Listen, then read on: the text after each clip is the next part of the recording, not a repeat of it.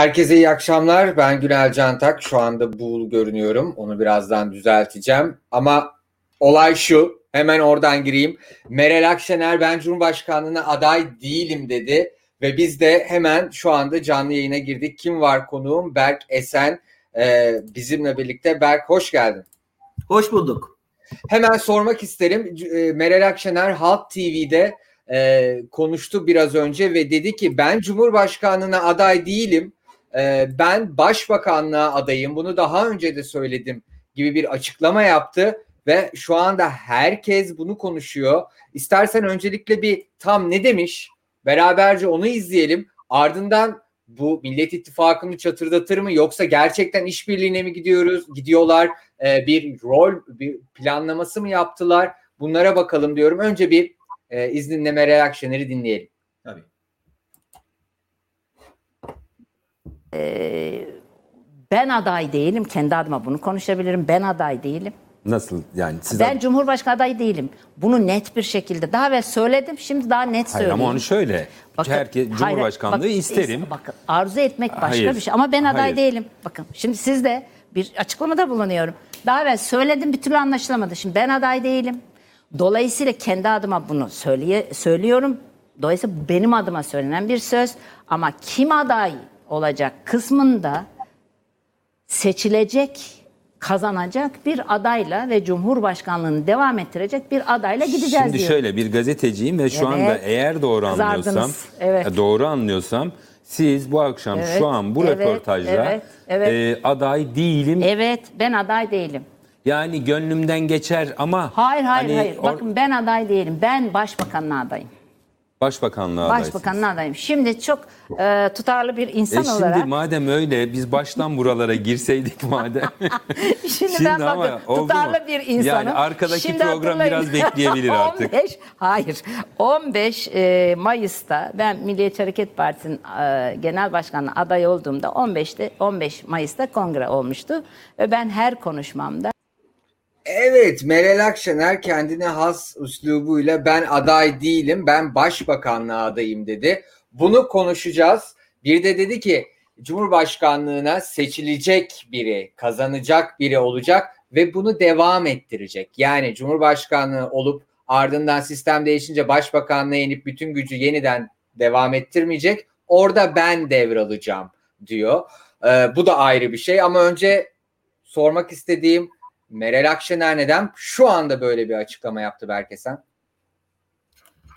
Ee, yani açıkçası hani bu açıklamayı ne zaman yapsa gündemi değiştirecekti. Bir kez bunun altını çizmek gerekiyor ve muhalefetin e, uzun bir süredir aslında gündem belirleme özelliğinin olduğunu ve Erdoğan'ın şu ana kadar yaptığı sistem değişikliğinin ona kazandırdığı büyük gücü e, kademe kademe Erdoğan'ın elinden almaya başladığını söyleyebiliriz. Yani dolayısıyla bu muhalefet açısından çok önemli bir konu. Çünkü sistemi değiştirecekse gündemi belirleyerek kendi programını, alternatif önerilerini ve tabii bir noktada adayını e, sunarak bunu yapması gerekiyor. Muhalefet bu konuda adım atmaya başladı. Niye şimdi bunu söyledi? Çünkü Türkiye aslında uzun süredir erken seçime gidileceğini konuşuyor ve e, ekonomik durum e, yani Türkiye'nin şu an işinden geçtiği bu ekonomik kriz büyüdükçe e, en azından bu konuda e, muhalefetin adım atması gerektiğine dair bir baskı var seçmenlerden gelen ve tabii birkaç gündür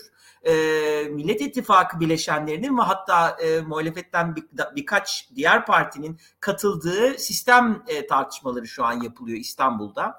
Büyük bir ihtimalle onunla da paralel bir aday tartışması gelmiş olabilir. Dolayısıyla hani stratejik yapılmış e, ve e, önceden düşünülmüş bir açıklama olduğunu sanıyorum. Peki yani öyle diyorsan herhalde Kılıçdaroğlu'yla e, Akşener e, anlaşmışlar. Biri Cumhurbaşkanlığına, biri e, Başbakanlığa diye önceden böyle bir şey e, yorum yapabilir miyiz bu e, yerli olur mu sence? Ee, yani Kılıçdaroğlu ile Meral Akşener'in bu konuda konuştuğunu söylemek çok e, yani mantıklı bir önerme olacaktır. Fakat Kemal Bey'in aday olup olmayacağı konusunda hala e, soru işaretleri var. Kemal Bey uzun süredir bu e, çizgide bir strateji yürütüyor ama bunun aklında başka bir aday var ve onun kamuoyunda iktidar tarafından lekelenmesini engellemek, saldırı altına girmesini engellemek için stratejik bir tercih mi yoksa kendine adaylığa mı hazırlıyor? Ee, onu sanırım hiçbirimiz bilmiyor. Bil, bilmiyoruz ve bu aslında bu bile muhalefetin iktidarın saldırıları karşısında elini nasıl koruduğunu gösteren bir hamle. Yani o, o açıdan da e, aday şu an belirlenmiş mi ondan emin değilim. Ama bunlar doğru Hı-hı. hamleler. Onu söyleyebilirim.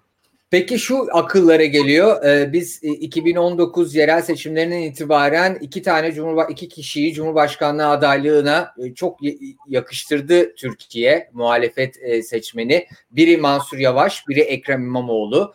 E, bu isimler e, diğer kişilere göre çok daha genç, e, çok daha e, gücün başında olmasını düşündüğümüz isimler.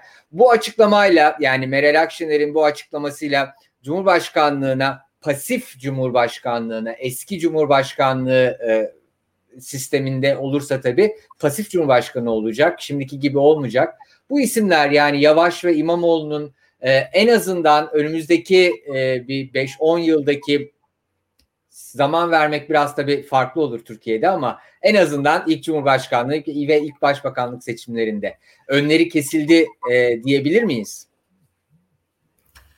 Ekrem İmamoğlu için sanırım diyebiliriz. E, çünkü kendisi çok aktif görev yapabilecek, e, o yönde bir vizyonu olan ve yaşı itibariyle de aslında çok uzun süre siyasetin üst kademelerinde görev yapmaya e, müsait bir, bir kişi. Dolayısıyla onun önünün kesildiğini söyleyebiliriz. Mansur Yavaş açısından zaten hem Kemal Bey hem Mansur Bey'in kendisi Cumhurbaşkanı adayı olmayacağını farklı ortamlarda, farklı şekillerde de olsa dile getirmişti. Ama e, sonuçta hani Mansur Bey de bu profilde bir aday olarak hani düşünülebilir. Dolayısıyla Ekrem Bey'in biraz önü kesilmiştir. Mansur Bey açısından onu söyle onu söylemek e, mümkün değil. Meral Hanım şu noktada artık adaylıktan hani çekilmiş oldu. Bu bu kadar net bir açıklama yaptıktan sonra onun Cumhurbaşkanı adayı olabileceğini düşünmüyorum. Fakat Meral Hanım'ın açıklamasına tabii herkes şu an onun aday olmayacağı e, noktasını işte e, sizin de şimdi e, başlık olarak seçtiğiniz cümle o. Ama bence ondan önce gelen cümle daha önemliydi. O da şu. Hı hı. E, bence muhalefetin aday belirleme sürecinde yaşadığı açmazı çok iyi özetledi Meral Hanım.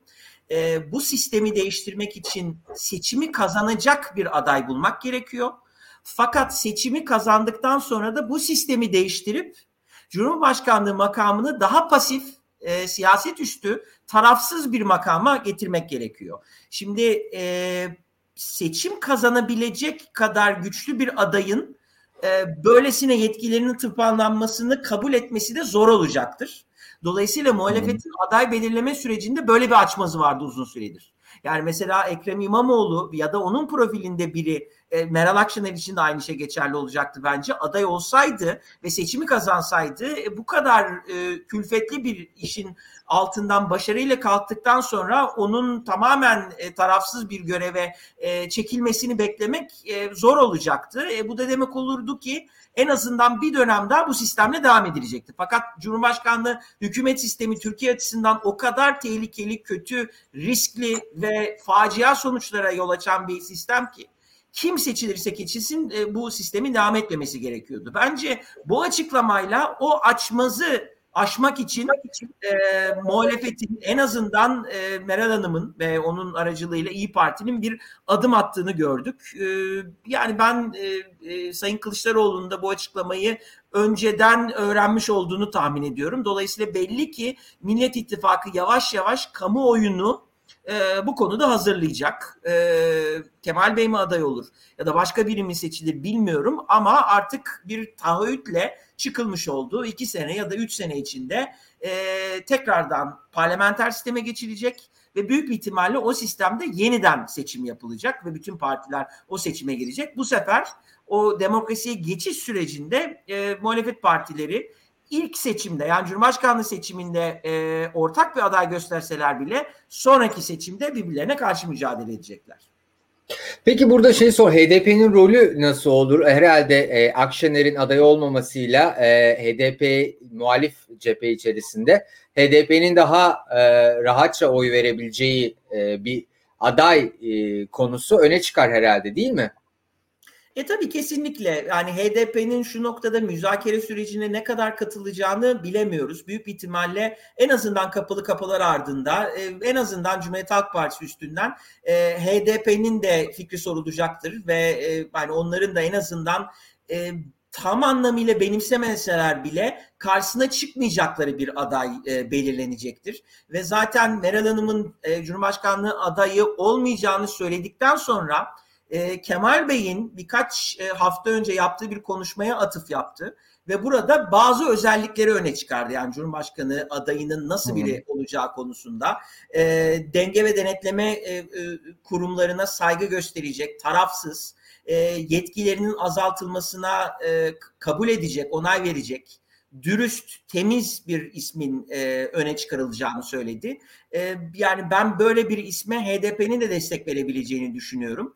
E, zaten Sayın Temelli'nin açıklamasına e, parti içinden de yani HDP içinden de gelen tepkiler biraz bu konuda HDP'nin en azından bir kanadının son derece e, pragmatik bir şekilde yani Türkiye'nin tekrardan demokratik bir rejime geçmesi için üstlerine düşen görevi, e, sorumluluğu hatta fedakarlığı e, yapmayı kabul ettiklerini bana gösterdi. E, yani şu an net bir aday var mı kafalarında bilmiyorum ama belli ki artık yavaş yavaş bu konuşuluyor. Peki herhalde burada da bir şey sormak lazım. Ee, bildiğimiz üzere dördüncü veya üçüncü kez e, muhalefet partileri yeni bir anayasa taslağı e, üzerinde çalışmalarını yürüttüler. Toplantılar yaptılar dördüncü veya üçüncü defa. E, herhalde anayasa taslağı Cumhuriyet Halk Partisi'nde son, e, son yetki Kemal Kılıçdaroğlu'na verilmiş son değişiklikler. E, bu bütün toplantılardan sonra. Millet İttifakı seçime hazır, e, adayı neredeyse hazır e, ve erken seçim geliyor diyebilir miyiz bu, bu dönemde? Yani e, iktidar tabii ki de erken seçim istemeyebilir, uzatmayı isteyebilir ama bir anayasa hazırlığı ve bir, güçlü bir e, Millet İttifakı ile başka partilerin katıldığı aday da ortaya çıkarsa erken seçim mecburen öne çekilebilir mi?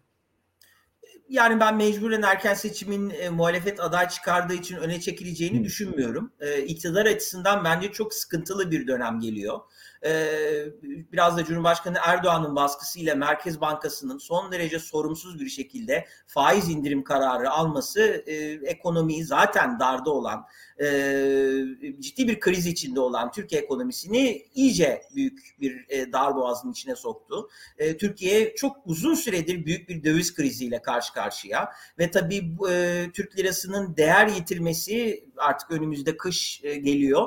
E, e, doğal gaz fiyatlarından e, başlarsak e, işte benzine ve tabii onun üstünden kullandığımız bütün ürünlerde yüksek bir enflasyon olarak gelecek ve bunun etkileri büyük bir ihtimalle ilkbahara kadar devam edecek. Şimdi böylesine ağır bir ekonomik tablonun olduğu bir ülkede hele de muhalefet bir araya gelmeye başlamışken ve bu konuda somut adımlar e, atarken ben iktidarın erken seçimi göze alabileceğini düşünmüyorum. Tabii bunu biraz rasyonel bir açıdan e, ben hmm. konuya yaklaşarak söylüyorum. E, iktidarın kendi içinde bölündüğünü, e, AKP ile MHP'nin birçok konuda çıkarının ve siyasi pozisyonunun farklılaştığını, Adalet ve Kalkınma Partisi'nin içinde farklı hiziplerin birbirleriyle e, aslında aylardır e, ciddi bir e, savaş içinde olduğunu e, da söylemek gerekiyor. Bu kadar zayıflamış bir iktidar bence yani rasyonel bir açıdan erken seçimi istemeyecektir. Ama tabii bu kavga içeride büyürse e, Devlet Bahçeli'nin feyvi bir çıkışı e, ya da iktidar içinden gelen bir tepki sonrası erken seçime tabii gidilebilir. Bu bir intihar olur ama e, işte e, e, 2001 krizi sonrasında Bülent Ecevit'in başbakanlığını yaptığı hükümet de e, sonrasında yani bir siyasi intihar olarak gördüğümüz bir erken seçim kararı almıştı. Yani dolayısıyla böyle bir karar kesin kes al, al, almayacaklar diyemem. Ama Hı-hı. şunu söyleyebilirim yani sorunuza e, atfen e, yani cevaben e, e, yani muhalefetin ortak bir aday çıkarması ve bu konuda somut adım atması iktidarı illaki seçime zorlamayacaktır. Fakat tabii iktidar açısından şöyle bir sıkıntılı durum var. Eğer e, hemen seçime gitmezlerse e, önümüzdeki dönemde durumları daha da kötü olabilir. E, şimdi e, böyle bir tabloda hani iktidar açısından şimdi gidecek bir seçimi de kaybetmek çok olası ama bir 6 ay ya da 10 ay sonra gidilecek bir seçimi de kaybetmek e, olası. Dolayısıyla bence rasyonel senaryo iktidar açısından e, bir süre daha erken seçimi hiç gündeme bile getirmemek ve e, muhalefetin e, kendi içinde görüş ayrılıklarına düşür, düşerek e, dağılmasını beklemek ama tabii muhalefet özellikle Millet İttifakı bu konuda bence çok doğru hamleler yapıyor ve iktidarın bütün baskısına ve e, özellikle Kürt sorununu kaşıyarak e, milliyetçi cephede bir ayrılık yaratıp Millet İttifakı'nı bölme çabalarına karşı Millet İttifakı şu ana kadar başarıyla bir birlik tablosu yansıttı. E, e, dediğin gibi e, çok önemli. Aynı zamanda bu haftaki gelişmeler de aynı şekilde Millet İttifakı'nı bayağı güçlendirdi diyebiliriz. Kılıçdaroğlu'nun belgesele verdiği cevapla birlikte, bir demeçle birlikte.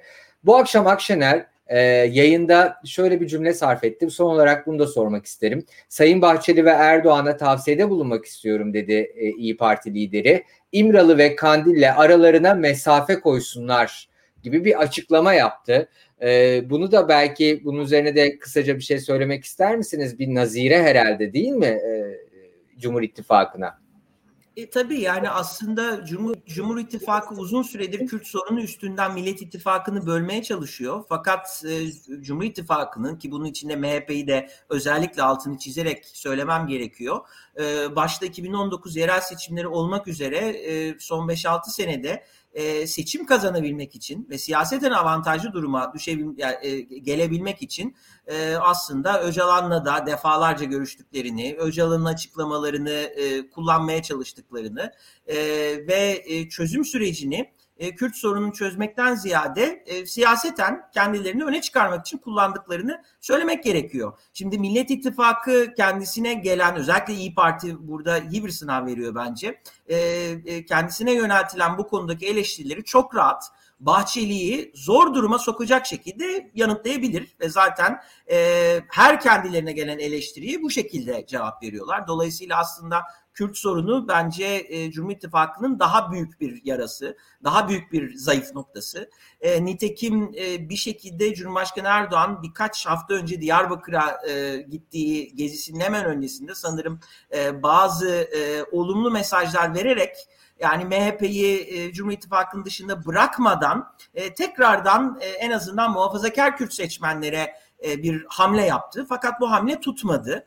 E, ve sanırım artık Erdoğan e, MHP dışında bir alternatifinin olmadığını ve e, MHP'yi geride bırakırsa Kürt oylarını tekrar yanına çekemeyeceğini bu sefer bir de MHP oylarını kaybedeceğini görmüş durumda. Yani iktidarı e, e özellikle yani e, Cumhurbaşkanı Erdoğan'ı e, e, Devlet Bahçeli yani adeta böyle bir aşağı doğru çekiyor ve siyaseten yani 2014 ya da 2015 yılına kadar Adalet ve Kalkınma Partisi bir hakim parti olarak aslında ülke genelinde çok farklı seçmen gruplarına ulaşabiliyordu. Yani aynı anda hem Türklerden hem Kürtlerden oy alabiliyordu. Hem muhafazakarlardan hem farklı kesimlerden oy alabiliyordu. Artık Adalet ve Kalkınma Partisi'nin böyle bir e, kapasitesi kalmadı. E, dolayısıyla giderek e, büyük şehirlerden uzaklaşan, büyük şehirlerde zayıflayan, Kürt oyunu kaybeden yani elinde sadece az bir muhafazakar Kürt oyu kaldı. E, giderek Anadolu'daki milliyetçi mukaddesatçı ve Türk seçmenlere özellikle de küçük şehirlerdeki ya da kasabalardaki Türk seçmenlere yönelen bir ittifak haline geldi. Burada bir büyüyen bir oy grubu yok. E, dolayısıyla geçen zaman iktidarın aleyhine çalışıyor. E, son bir hani bitirmeden bir noktanın da altını çizmek istiyorum. Yani burada işte Meral Akşener'in, Sayın Akşener'in konuş e, bu yaptığı açıklama üstünden bu programı yapıyoruz. Yani Meral Akşener'in ben gerçekten e, Türkiye siyaseti açısından e, yani 2021 Türkiye'sinde e, büyük bir fırsat, büyük bir şans olduğunu düşünüyorum. Ve aslında Kemal Kılıçdaroğlu'nun e, 2014 Cumhurbaşkanlığı aday belirleme süreci öncesinde Devlet Bahçeli ile yapmaya çalıştığını ama yapamadığını Meral Akşener'le yaptığını görüyoruz. Yani aslında mesela 2014 yılında MHP'nin başında Devlet Bahçeli yerine Meral Akşener olsaydı büyük bir ihtimalle Millet İttifakı'nı andıran bir ittifak CHP ile MHP arasında kurulacaktı ve yavaş yavaş MHP merkeze gelecekti. Ve e, böyle bir ittifak eğer olsaydı e, işte e, Ekmenettin e, İhsanoğlu'nun adaylığı çok kötü bir aday seçildi. Çok kötü bir kampanya yapıldı. MHP bu kampanyaya destek vermedi. E, belki Cumhurbaşkanı Erdoğan açısından o seçim çok daha zor geçecekti ve sonrasında bizim yaşadığımız hızlı otoriterleşme süreci de olmayacaktı. Türkiye o günleri artık yaşadıktan sonra e, CHP İyi Parti arasındaki bu ittifakla biraz bu dar boğazdan çıkmaya çalışıyor. E, ben bu açıklamayı çok önemsiyorum e, ve gerçekten tarihi bir açıklama. Ya son dedim ama hani biraz daha aklıma soru geldi. Onları da hemen sormak istiyorum sana. Şimdi Kemal Kılıçdaroğlu bu bütün stratejiyi AK Parti'yi ve Erdoğan'ı indirme stratejisini yıllardır yürüten aslında muhalefetin lideri diyebileceğimiz konumda biri. Ee, sence e, Cumhurbaşkanlığına aday olup ülkeyi hemen referanduma götürüp sonra da şapkasını bırakıp artık e, sadece işte e, devlet başkanlarını e, davetlerde işte resepsiyonlarda boy gösterip arada küçük müdahalelerle e, partileri bir araya toplayacak e, gibi bir pozisyona kendisini alır mı? E, bu mantıklı mı e, Kılıçdaroğlu'nun e, gelecek kariyeri ve planları için? Ee, bence son derece mantıklı ve birkaç açıdan çok e, tarihi bir seçim başarısı olur. Çünkü öncelikle böyle bir senaryo gerçekleşirse Kemal Kılıçdaroğlu'nun e, Recep Tayyip Erdoğan'ı sandıkta devirdiği e, bir e, Türkiye'ye e, tanık olacağız ya da öyle bir Türkiye'ye uyanacağız. Bu e, Kemal Kılıçdaroğlu açısından yani siyasi kariyerinin zirve noktası olur ve Adalet ve Kalkınma Partisi'nin ve özellikle Sayın Erdoğan'ın senelerdir Kemal Kılıçdaroğlu'na karşı e, e, hakarete varan e, saldırılarda artık eleştiri demeyeceğim bulunduğunu düşünürsek ve bütün iktidar medyasının işte bilmem şu kadar seçim kaybetti ama ona rağmen koltuğunu bırakmadı diye e, dalga geçti Kemal Kılıçdaroğlu Cumhurbaşkanı Erdoğan'ı e, sandık yoluyla devirmiş olacak. Bir kez bunun payesi, şerefi e, çok büyük olacaktır. İkinci bence e, Türkiye açısından tarihi önemi e, Alevi bir e, adayın e, hem de e, çoğunlukçu bir seçim sisteminde yani yüzde elli'nin üstüne çıkarak ancak kazanabileceğiniz bir e, seçimi kazanması Türkiye açısından bir dönüm noktası olur. Çünkü Türkiye'de e, Aleviler yani bu aslında Cumhuriyet öncesi döneme de götürülebilir ama tabii Cumhuriyet döneminde e, özellikle de sağ iktidarlar altında çok ağır baskılara, sistematik dışlamalara e, e, maruz kalmış bir e, azınlık grubu. E, dolayısıyla o gruptan gelen birinin seçilmesi işte Amerikan siyasetinde Barack Obama'nın başkan seçilmesi ayarında bir e, hmm. tarihi zafer olacaktır. E, ben o açıdan da Kemal Kılıçdaroğlu'nun e, bunu bir kariyerinin zirve noktası olarak kabul edip e, çekilmeyi çekil, çekilebileceğini düşünüyorum.